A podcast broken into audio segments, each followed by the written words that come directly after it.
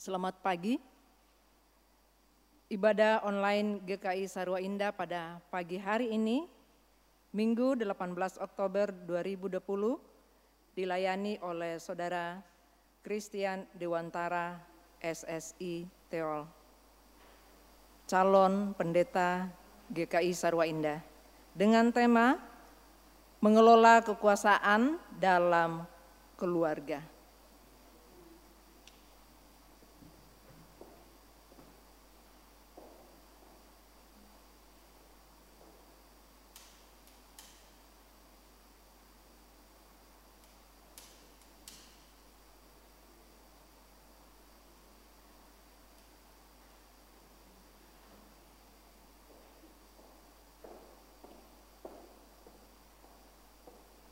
Jemaat yang dikasihi Tuhan, mari menghadap tahta Allah, mengakui kedaulatan pimpinan Tuhan dalam hidup kita seraya mengucapkan syukur atas kasihnya yang besar. Saya undang bangkit berdiri.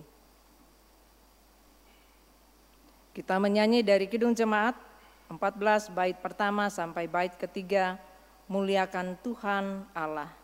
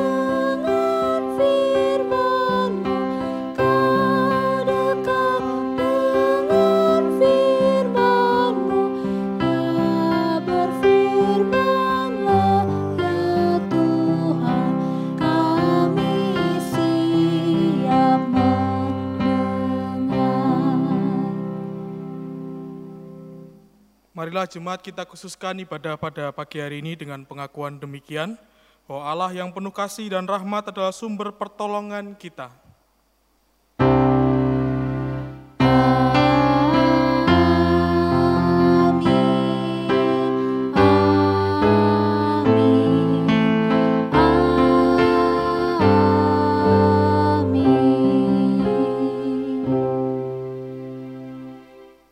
Damai sejahtera Allah menyertai saudara. Dan menyertai saudara juga. Silakan duduk. Kita memasuki ibadah liturgi pengakuan dosa. Keiichi Tsuchiya, pembalap mobil berkebangsaan Jepang, mengatakan, What is power without control? Apa artinya kekuasaan tanpa pengendalian? Loma tokoh fiktif dalam film seri Sena, Warrior Princess, mengatakan kalimat terkenal dalam salah satu episode, To control others is to have power of control yourself is to know the way. Kemampuan mengendalikan orang lain, itulah kekuasaan. Kemampuan mengendalikan diri, kemampuan mengendalikan diri sendiri, itulah pengetahuan akan jalan kebenaran. Setiap orang memiliki kekuasaan, utamanya kekuasaan atas diri sendiri. Dengan kekuasaan itu kita memegang kendali untuk mengatur. Misalnya seorang istri adalah ratu dalam rumah tangganya. Dan karenanya berkuasa untuk mengendalikan pengaturan rumah tangga. Namun haus akan kekuasaan dan penyalahgunaan kekuasaan akan berakibat buruk terhadap diri sendiri dan orang lain. Memiliki kekuasaan berarti kita juga memiliki tanggung jawab untuk menggunakannya. Sebagai anggota keluarga, kita memiliki kekuasaan dan tanggung jawab masing-masing. Sudahkah kita mempergunakannya dengan bijak? Ataukah kita berlaku semena-mena dan menyelewengkan kekuasaan itu? Marilah kita berdoa, memohon pimpinan Tuhan agar kita dipulihkan dan dipimpin untuk belajar menggunakan kekuasaan kita. Jemaat saya persilakan untuk berdoa masing-masing dan saya tutup dengan doa pengakuan dosa.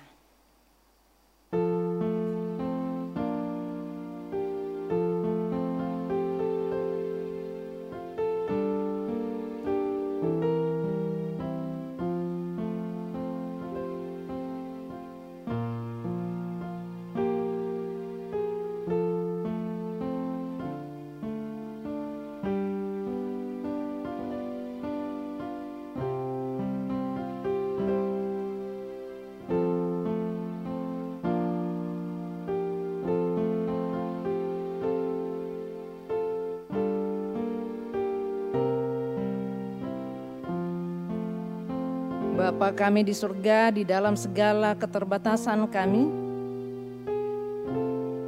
di dalam segala kelemahan kami, kami masih jauh dari sempurna. Sehingga di dalam perilaku hidup kami, kami kurang dalam tanggung jawab menggunakan kekuasaan di rumah tangga dan di mana pun kami berada. Ampuni kami ya Tuhan sehingga sebagai pemegang kekuasaan, kami boleh melakukannya dengan penuh tanggung jawab, seturut dengan hikmat daripada Tuhan. Inilah doa kami, doa pengampunan dosa kami. Dalam Kristus kami datang kepadamu. Amin. Kita sambut dengan menyanyi, Oh Allahku, jenguklah diriku.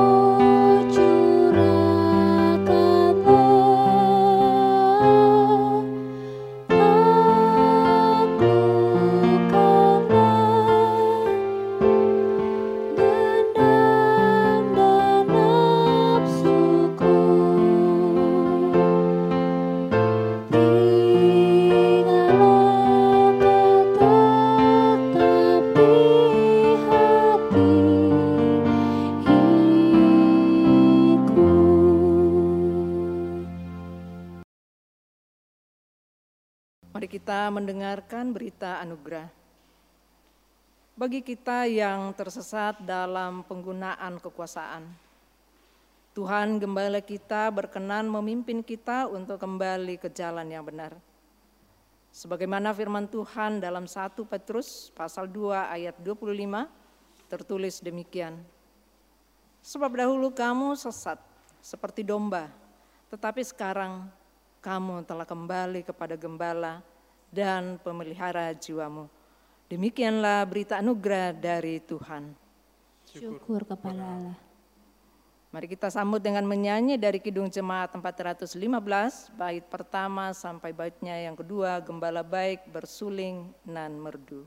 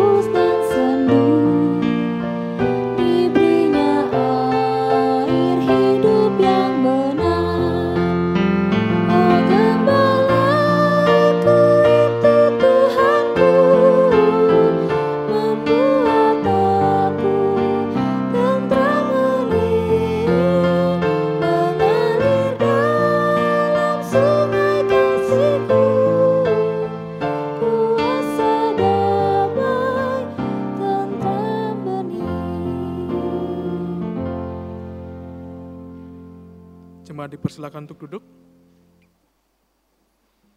Marilah kita menyatukan hati, persiapkan hati dan pikiran kita untuk mempersiapkan diri kita untuk menerima firman Tuhan. Marilah kita berdoa. Seperti pujian yang baru saja kami naikkan Tuhan, ketika hidup kami dalam penyertaan-Mu, kami seperti dalam air yang tenang, dalam lembah hijau yang menenangkan hati kami pun percaya bahwa pertolonganmu dan sapaanmu terus hadir dalam kehidupan kami. Dan terlebih ketika kami akan merenungkan, menggumulkan, belajar firmanmu, kiranya Tuhan juga menolong kami. Kiranya firman yang boleh disampaikan, boleh menjadi pelita bagi kehidupan kami, agar ketika kami boleh menjalani hari kami, kami boleh terus seturut dengan kehendakmu saja. Dan pakailah hambamu ini yang jauh dari tidak sempurna Tuhan, agar setiap perkataan yang keluar dari mulut hamba adalah firman yang hidup, dan kiranya roh kudusmu boleh menolong hamba. Inilah permohonan kami Tuhan, dalam nama Tuhan Yesus Kristus kami berdoa. Amin. Bacaan Injil Yesus Kristus diambil dari Injil Matius pasal 22 ayat 15 sampai 22. Demikianlah firman Tuhan. Kemudian pergilah orang-orang Farisi, mereka berunding bagaimana mereka dapat menjerat Yesus dengan suatu pertanyaan. Mereka menyuruh murid-murid mereka bersama-sama orang-orang Herodian bertanya kepadanya, Guru, kami tahu engkau adalah seorang yang jujur, dan dengan jujur mengajar jalan Allah, dan engkau tidak takut kepada siapa pun juga, sebab engkau tidak mencari muka Katakanlah kepada kami pendapatmu. Apakah diperbolehkan membayar pajak kepada kaisar atau tidak? Tapi Yesus mengetahui kejahatan hati mereka itu, lalu berkata, Mengapa kamu mencobai aku, hai orang-orang munafik? Tunjukkanlah kepadaku mata uang untuk pajak itu. Mereka membawa satu dinar kepadanya. Maka ia berkata kepada mereka, gambar dan tulisan siapakah ini? Jawab mereka, gambar dan tulisan kaisar. Lalu kata Yesus kepada mereka, berikanlah kepada kaisar apa yang wajib kamu berikan kepada kaisar, dan kepada Allah apa yang wajib kamu berikan kepada Allah. Mendengar itu, heranlah mereka dan meninggalkan Yesus, lalu pergi. Demikianlah Injil Yesus Kristus, yang berbahagia adalah kita yang mendengarkan firman Allah dan yang terlebih memeliharanya dalam kehidupan hari lepas hari. Haleluya.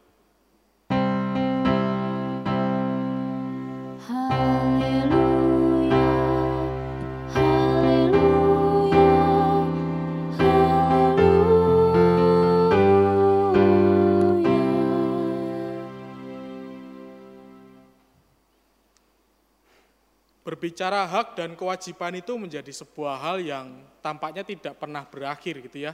Berbicara hak dan pemenuhan kewajiban itu selalu menjadi perdebatan yang menarik antara kedua pihak yang saling berkaitan. Nah, pertanyaannya, masalahnya kita ini tanpa disadari dan yang perlu kita gumulkan adalah sering kali kita lebih suka menuntut hak daripada mengerjakan kewajiban. Ya memang enak hak sih, kalau orang Jawa itu kan bilang hak, hak, hak, hak gitu kan, itu untuk nyuapi anak. Ada kenyang gitu ya. Menurut saya itu satu hal gambaran yang bisa menggambarkan secara sederhana, kenapa orang lebih suka hak daripada mengerjakan kewajibannya. Dan lebih lagi kalau misal orang lain ketika tidak melakukan kewajibannya, tapi menuding juga orang lain tidak mengerjakan kewajiban. Ketika ada seseorang yang tidak mengerjakan kewajiban, tapi menuntut orang lain untuk mengerjakan kewajibannya. Tapi sudah menuding, menuntut hak. Repot. Ketika kita bertemu dengan kelompok orang seperti ini, atau bertemu dengan pribadi seperti ini, tentu kita akan pusing. Seperti yang kita lihat beberapa waktu terakhir ini di televisi gitu ya. Masing-masing kelompok merasa sudah mengerjakan kewajibannya, dan masing-masing kelompok menuntut haknya dipenuhi. Saya sedang tidak berbicara mana yang benar, mana yang salah, tidak. Tapi marilah kita menggumuli dan melihat kembali, apa ketika kita menuntut hak kita, kita sudah dengan sadar, dengan sepenuh hati, sudah mengerjakan kewajiban kita. Nah, orang Farisi dan Herodian ini seperti itu. Mereka ini sedang berupaya untuk memenuhi hak mereka yang tersandra oleh kehadiran Tuhan Yesus Kristus. Kenapa saya mengatakan tersandra? Nah orang Farisi ini kan dikenal sebagai orang yang ingin dianggap saleh, ingin diterima sebagai kelompok utama dalam kehidupan beragama. Mereka ini ingin mendapat penghargaan karena dipandang saleh, lalu mereka ingin mendapatkan penghormatan-penghormatan di sinagog ataupun di dalam masyarakat karena mereka benar di hadapan agama. Nah, kelompok kedua, kelompok Herodian. Dari namanya saja kita sudah pasti tahu dan bisa menebak siapa mereka. Yaitu orang-orang yang punya loyalitas luar biasa kepada Herodes. Ya, tentu saja motifnya sudah jelas, yaitu motif politik. Kita bisa membayangkan gitu ya, Tuhan Yesus ini kehadirannya ini mengganggu dua hal ini secara khusus itu. Walaupun ada juga banyak hal yang didobrak oleh Tuhan Yesus dalam karya pelayanannya. Dia mendobrak setidaknya dalam konteks bacaan kita ini dua hal ini, yaitu kehidupan beragama dan juga tentang politik. Sebagai Mesias tentu Tuhan akan dilihat banyak orang sebagai pribadi yang benar di hadapan Allah, sekaligus menjadi pemimpin mereka. Sekaligus mampu memimpin mereka untuk ke jalan yang lebih baik lagi. Nah tentu dua hal ini tidak ingin lepas dari kelompok Farisi dan Herodian. Nah akhirnya lah mereka bersiasat, bersepakat, merencanakan sebuah pertanyaan yang bagi Tuhan Yesus sebenarnya maju kena, mundur kena gitu. Nah kalau Tuhan menjawab tidak boleh misalnya, ketika dipertanyakan apakah boleh membayar pajak kepada kaisar, tentu konsekuensinya akan jelas. Orang-orang Herodian akan berteriak, dia menentang kaisar. Dia ingin mengkudeta kaisar, mungkin saja akan menjadi seperti itu. Kalau saja pertanyaannya dalam pertanyaan ini Tuhan menjawab, ya tentu boleh saja kamu bayar. Dan mungkin malah menjawab, harus kamu bayar pajaknya, pasti akan menjadi pergolakan selanjutnya adalah dia dipertanyakan apakah dia benar Mesias. Karena Mesias itu terlalu juga berbicara tentang strata kepemimpinan. Kalau Tuhan Yesus mengatakan boleh, berarti dia ada di bawah kaisar. Itu menjadi sebuah hal yang akan dipakai oleh orang Farisi ini untuk men, apa ya, menyerang Tuhan Yesus. Nah, dia mah di bawah kaisar. Sudah nggak usah didengarkan lagi. Sudah tidak usah diperdulikan lagi. Sebuah pertanyaan jebakan yang menurut saya ngeri-ngeri sedap ini sebenarnya. Apalagi tentu mereka bertanya di depan banyak orang, tidak mungkin bertanya di ruang tertutup. Karena memang pada dasarnya mereka ingin mempermalukan Tuhan. Lah hanya saja mereka salah bertanya kepada Tuhan sendiri yang punya hikmat tentunya. Apa yang diinginkan mereka tidak muncul dari jawaban Tuhan. Bahkan dalam ayat 21 itu yang menarik. John Albert Brodus itu dalam bukunya Commentary of Matthew mengatakan demikian. Maksudnya dalam ayat 21 ini, apa yang didapat dari kaisar ya bayarlah kepada kaisar. John Brodus mengatakan ini sebagai sebuah penafsiran dan juga melihat bahwa Tuhan ingin mengatakan itu. Lah kamu dapat duit itu dari mana? Koin dinar itu dapat dari mana? Dari kaisar, ya sudah kembalikan. Nah, kalau statementnya demikian, ini akan juga membawa konsekuensi yang besar kepada statement yang ada dalam ayat 21. Yaitu, dan kepada Allah, apa yang wajib kamu berikan kepada Allah. Kalau kita saja diwajibkan untuk memberikan sesuatu yang didapat dari kaisar, kalau dalam masa sekarang adalah pajak misalnya, lalu bagaimana apa yang kita berikan kepada Allah? Kalau kita saja taat bayar pajak kepada pemerintah kita, apa yang kita berikan kepada Tuhan? Yang bahkan kalau kita mau list gitu ya, mungkin butuh berapa ribu lembar terhadap apa pun yang Tuhan berikan kepada kita. Tidak hanya sekedar uang atau rezeki. Tuhan memberikan segalanya. Tuhan memberikan segala sesuatu yang kita butuhkan. Tuhan memberikan segala sesuatu yang memang bisa menolong kehidupan kita. Dan ini yang sering kali terlewatkan. Kita lebih fokus kepada hal yang terlihat oleh mata, tapi lupa tanggung jawab kita sebagai orang-orang yang sudah diberkati. Nah kalau kita mengkaitkan dalam konteks tema kita, yaitu mengelola kekuasaan dalam keluarga. Apa yang mau kita persembahkan, apa yang kita mau berikan kepada Allah, terkhusus juga berkaitan dengan kewenangan atau kekuasaan dalam keluarga. Beberapa yang tahun lalu ada sebuah sitkom yang bagi saya menarik gitu ya untuk direnungkan dalam firman ini, yaitu sitkom yang mengisahkan ceritanya suami-suami takut istri. Mungkin Bapak Ibu Saudara pernah menonton sitkom ini. Sitkom ini kan menarik secara jenaka, secara lucu, secara ringan, ingin menggambarkan bahwa para suami ini seringkalinya mau menang sendiri. Para suaminya digambarkan ingin menguasai segala hal. Tetapi ketika pulang ke rumah, mereka takut setengah mati dengan istrinya.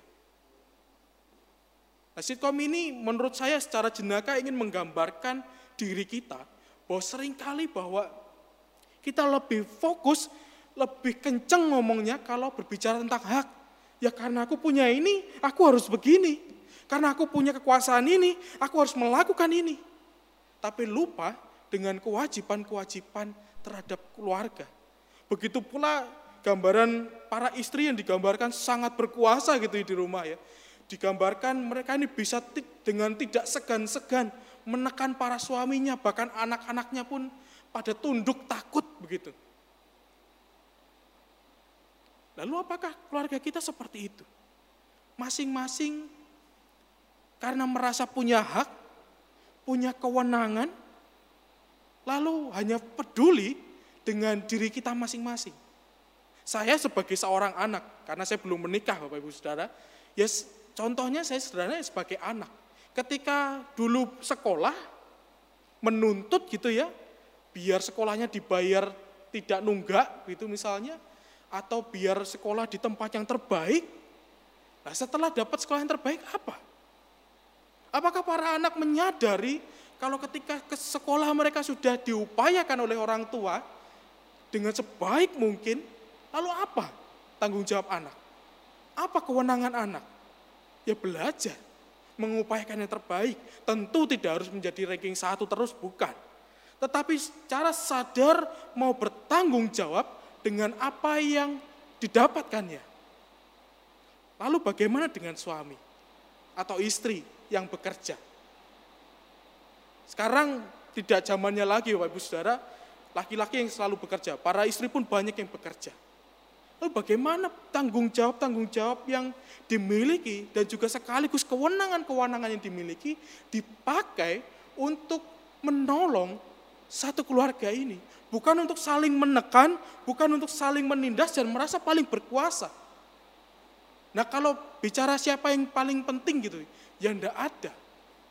Nah kalau misal anaknya sedang skripsi, lalu karena merasa paling berkuasa, ayahnya, ya kamu kerjain skripsimu.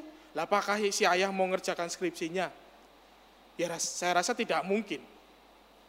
Begitu juga ketika anak ingin meminta sesuatu misal, lalu ayahnya belum punya uang, ibunya belum punya uang, apakah dengan secara frontal ingin meminta sesuatu dengan memaksa? Karena anak harus dipenuhi kebutuhannya oleh orang tua. Mungkin saja bahasa-bahasa itu sering muncul dalam keluarga-keluarga kita. Loh aku anak, ya penuhilah kebutuhanku. Orang tuanya loh, ya kamu harus nurut dengan aku. Di sinilah titik konflik yang biasanya muncul terjadi. Ketika semua orang merasa dirinya paling penting. Ya kembali lagi, refleksi kita adalah seperti orang Farisi dan Herodia. Kalau kita lebih mementingkan kebutuhan kita untuk dipenuhi, hak kita yang terus-menerus dipenuhi. Lalu bagaimana dengan sekitar? Lalu bagaimana dengan tanggung jawab-tanggung jawab yang melekat kepada kita? Seharusnya kekuasaan yang kita miliki tidak untuk menekan setiap keluarga kita. Seharusnya kekuasaan yang kita miliki kita pakai secara bertanggung jawab untuk mengerjakan segala kewajiban kita. Ya contohnya kalau para anak punya kewenangan untuk memilih sekolah dengan terbaik, misal untuk fakultas apa, atau jurusan waktu SMA apa, dia punya hak, punya kewenangan untuk memilih, ya kerjakan tanggung jawab itu sebaik mungkin.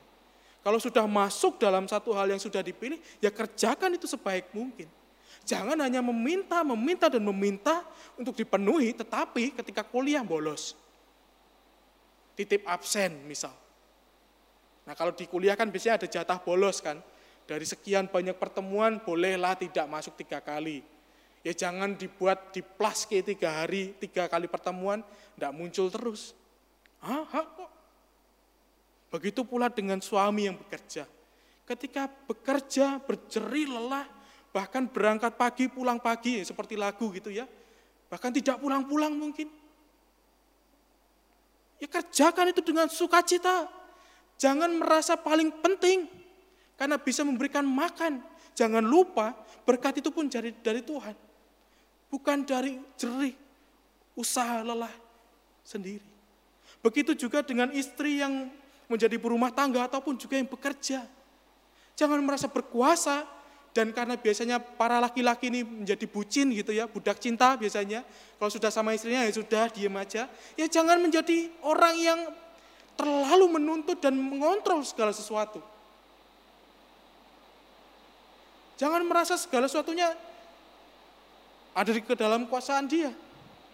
Lalu, ya para anggota keluarga lain, misal saja, kalau ibu atau istri sudah masak, ya apresiasilah. Jangan bilang yang kurang asin, yang kurang pedes, kurang enak. Begitu juga ketika para anak mengerjakan sudah berupaya sedemikian rupa, kita tahu betul bagaimana upaya anak itu untuk belajar. Kalau tiba-tiba saja nilainya tidak terlalu baik untuk ukuran kita, ya jangan dipukul, jangan dimarahi, tanya, apa kesulitanmu? Apa yang membuat nilai ini sangat jelek? Tidak sesuai standar misalnya. Bicarakan itu. Setiap kewenangan punya tanggung jawab. Setiap kewenangan yang kita miliki punya banyak konsekuensi. Oleh karena itu seharusnya segala kewenangan yang kita miliki diupayakan untuk membuat semua keluarga bisa bertumbuh. Ini yang susah. Bagaimana memakai kewenangan yang kita miliki untuk membuat orang lain mau bergerak dengan baik dan saling memberikan hal yang positif. Kuncinya adalah tentang kasih. Ketika Tuhan ditanya seperti itu, ketika para orang Farisi dan Herodian ini ditanya yang jelas-jelas tidak pertanyaan polos dan memang bukan pertanyaan yang ingin tahu, yang memang ingin menusuk Tuhan. Apakah Tuhan marah? Mungkin saja kalau Tuhan marah bisa dikutuk atau mungkin dihukum, diberikan sesuatu yang buruk. Tapi itu tidak. Tuhan tidak melakukan itu. Dia dengan kasih menjawab. Bahkan bertanya, mengapa kamu mencobai aku? Hai orang-orang munafik. Dia bertanya, dia melayani. Pertanyaan mereka yang sudah jelas-jelas sebenarnya ingin membuat Tuhan tergelincir dalam karya pelayanannya. Oleh karena itu kita harus menyadari bahwa dalam minggu kemarin kita sudah berbicara keluarga yang sehati. Kita juga diajak untuk mengerjakan segala kewajiban dan tanggung jawab kita juga penuh dengan kasih. Kita melakukannya dengan ketulusan hati, dengan segala daya energi yang kita punya. Saya menggambarkannya memberikan energi yang sepenuhnya itu seperti ini Bapak Ibu. Apakah Bapak Ibu pernah punya pengalaman kalau punya pasta gigi sudah mau habis gitu ya. Itu kan dilinting-linting gitu ya, digulung-gulung, terus dipletet gitu kan. Dipletet itu apa ya bahasa Indonesia? Dipencet sampai benar-benar habis bahkan dibentur ke, ke tembok sampai benar-benar di dalamnya itu habis pasta giginya. Bahkan mungkin digunting. Nah, menurut saya memberikan sepenuh hati seperti itu. Ketika segala daya upaya kita sampai titik darah penghabisan, berikan yang terbaik untuk keluarga kita. Berikanlah motivasi, berikanlah perkataan yang membangun, berikanlah sukacita yang benar-benar tulus kepada setiap anggota keluarga kita. Bukan hanya sekedar menuntut, menuntut, dan menuntut. Marilah kita menggeser fokus kita bukan hanya berbicara tentang hak, tapi mari kita belajar untuk menyadari apa sih kewajiban kita di dalam keluarga kita. Dan biarlah ketika kita menyadari itu, kita mampu menjawab dan merespon perkataan Tuhan. Dan apa kepada Allah, apa yang wajib kamu berikan kepada Allah. Tuhan berkati.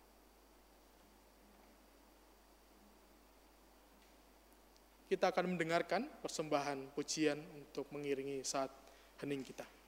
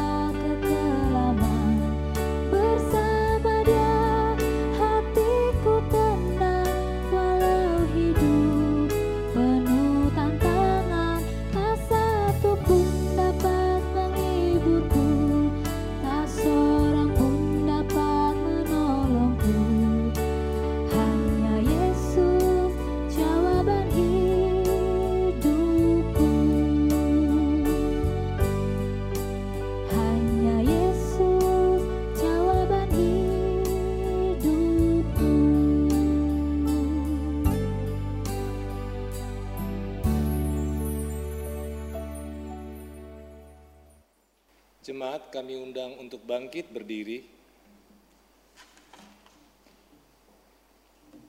Marilah kita bersama dengan umat Allah di masa lalu, masa kini dan masa depan, mengingat pengakuan pada baptisan kita menurut pengakuan iman rasuli.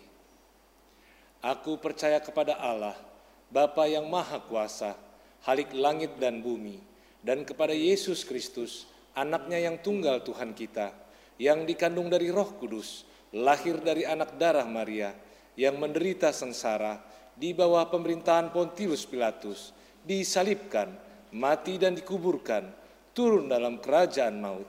Pada hari yang ketiga, bangkit pula dari antara orang mati, naik ke surga, duduk di sebelah kanan Allah, Bapa yang Maha Kuasa. Dan dari sana ia akan datang untuk menghakimi orang yang hidup dan yang mati. Aku percaya kepada Roh Kudus, gereja yang kudus dan am, persekutuan orang kudus, pengampunan dosa, kebangkitan orang mati, dan hidup yang kekal. Amin. Jemaat dipersilahkan untuk duduk kembali. Kita akan memasuki doa syafaat. Mari kita bersatu di dalam doa. Segala puji dan syukur hanya kami tinggikan untukmu ya Allah Bapa yang selalu setia menyertai kami. Terima kasih untuk kesempatan yang Engkau berikan sehingga kami dapat mengikuti ibadah online pada pagi hari ini. Kami mengucap syukur atas firman Tuhan yang telah disampaikan melalui hambamu, calon pendeta GKI Sarua Indah, Saudara Kristian Dewantara. Kiranya firman yang kami dengar pada hari ini boleh menjadi kekuatan dan pedoman dalam kami menjalankan kehidupan sehari-hari untuk hambamu, Saudara Kristian Dewantara, yang telah menyampaikan firman Tuhan, kiranya Tuhan terus berkati, baik dalam keluarga, pekerjaan, ataupun pelayanan dan dalam segala aktivitasnya. Kami juga berdoa buat pelayan-pelayanmu di tempat ini. Kiranya Tuhan berkati setiap pribadi mereka, berikan kekuatan, kesehatan, dan hikmat, agar mereka dapat terus melayani dan memuliakan namamu pemain musik, pemimpin pujian, tim media center, komisi peribadatan, penyusun liturgi, hingga petugas kebersihan. Biarlah semua pelayanmu di tempat ini selalu rindu untuk memberikan waktunya selalu buat Tuhan dan memberikan yang terbaik dari setiap talenta yang mereka miliki. Kami mengucap syukur kepadamu ya Tuhan, karena Engkau telah memberikan kami tempat untuk beribadah dan melakukan kegiatan pelayanan kami. Terima kasih untuk sekretariat yang telah direnovasi dan dapat digunakan untuk berbagai kegiatan ibadah dan pelayanan kami. Terima kasih untuk pemilik dan pengurus yayasan Sekolah Bukit Nusa Indah yang telah mengizinkan kami untuk menggunakan gedung sekolahnya untuk kami beribadah.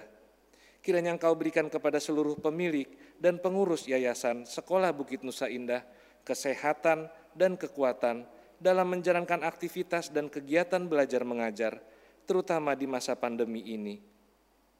Terima kasih Tuhan untuk lahan yang kami miliki, biarlah kiranya kau berikan kepada kami hikmat, agar kami dapat mengelola lahan yang engkau berikan untuk dapat kami bangun gedung gereja yang kami butuhkan selama ini.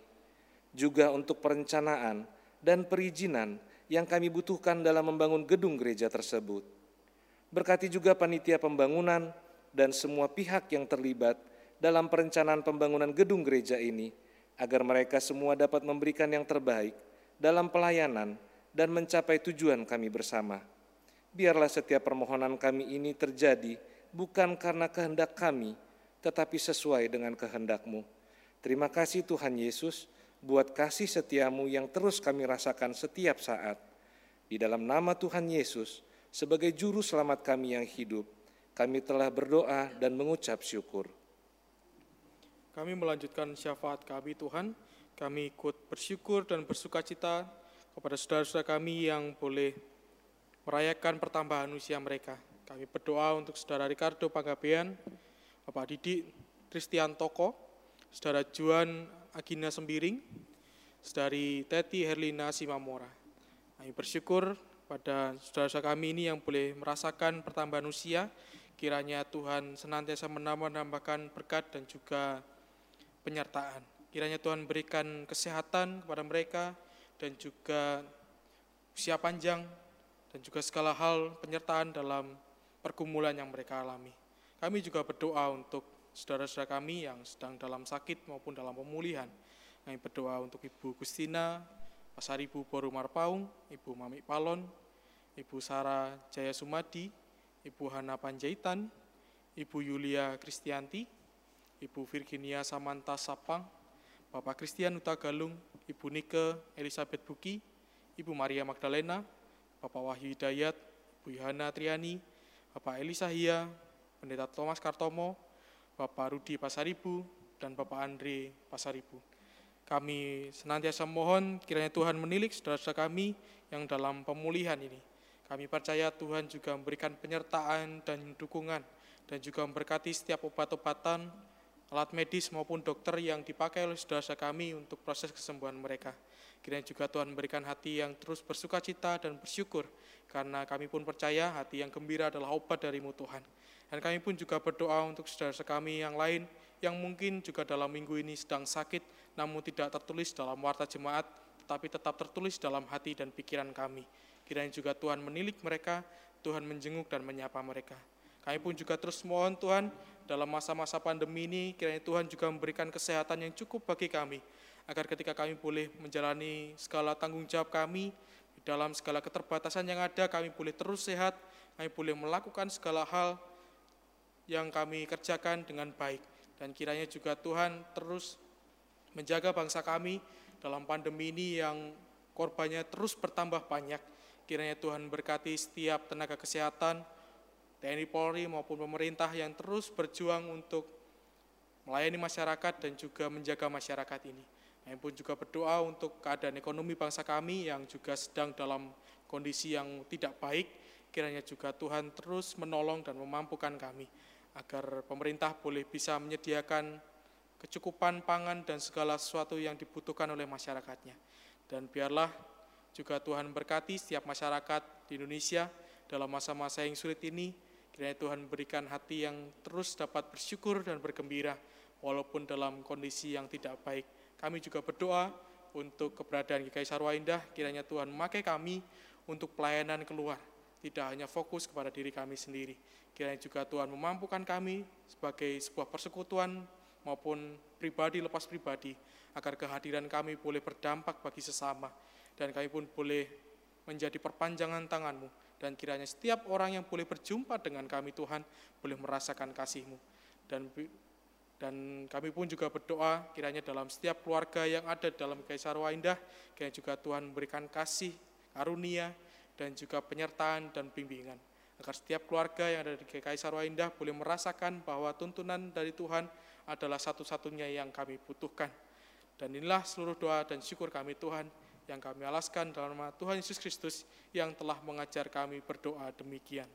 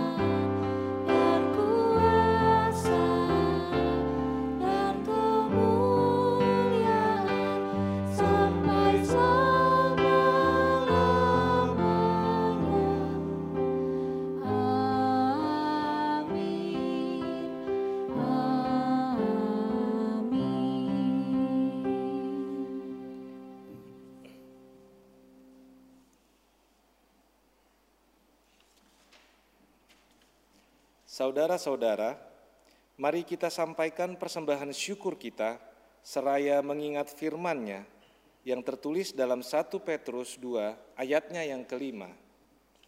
Dan biarlah kamu juga dipergunakan sebagai batu hidup untuk pembangunan suatu rumah rohani bagi suatu imamat kudus, untuk mempersembahkan persembahan rohani yang karena Yesus Kristus berkenan kepada Allah. Mari kita menyanyi dari PKJ 150, Ya Tuhan hanya inilah.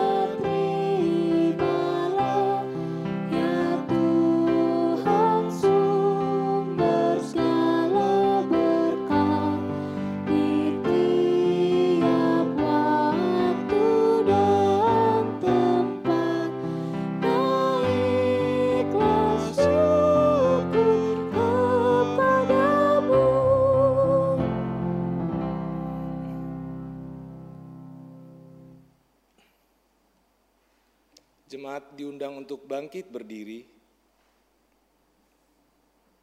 Mari kita bersatu di dalam doa. Segala ungkapan syukur kami, kami naikkan hanya kepadamu Bapa di sorga, oleh karena kasih dan penyertaanmu, boleh kami terima dan nikmati hingga saat ini. Kami tahu dan kami menyadari ya Tuhan, bahwa setiap berkat yang kami terima dalam kehidupan kami, itu semua berasal daripadamu saja ya Bapa. Oleh karena itu kami mohon kepadamu, memberikan kami kesempatan untuk mengembalikan berkat yang telah kau berikan kepada kami melalui persembahan kami, pelayanan kami, dan hidup kehidupan kami.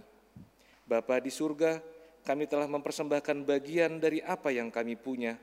Kiranya Engkau memberkati tangan-tangan yang telah memberi menurut kerelaan hati kami Kiranya Engkau juga memberkati persembahan ini, agar persembahan ini dapat menjadi persembahan yang harum bagi hormat dan kemuliaan namamu.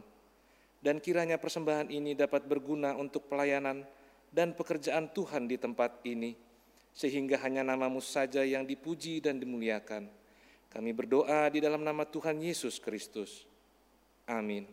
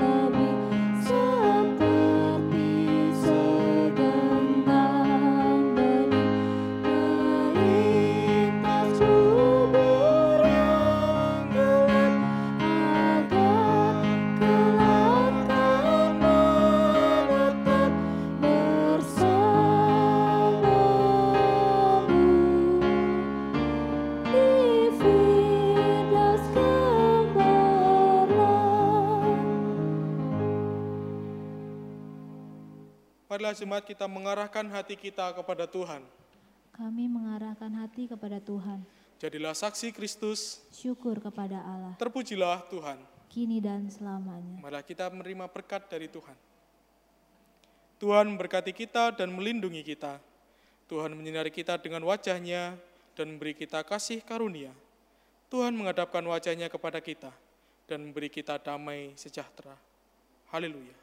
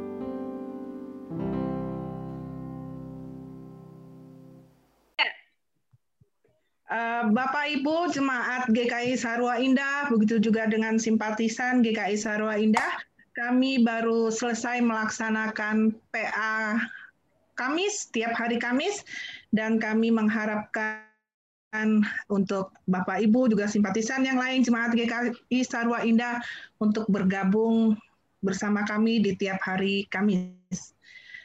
Selamat hari Minggu. Selamat hari Minggu. Selamat hari Minggu. dua, tiga. Teman-teman, jangan lupa ya untuk ikut ibadah persekutuan bersama Komisi Remaja DKI Sarwa Indah setiap hari Minggu jam 6 sore melalui Zoom. Selamat hari Minggu. Selamat hari Minggu. Selamat hari Minggu. Selamat hari Minggu. Selamat hari Minggu. Minggu. We'll be right back.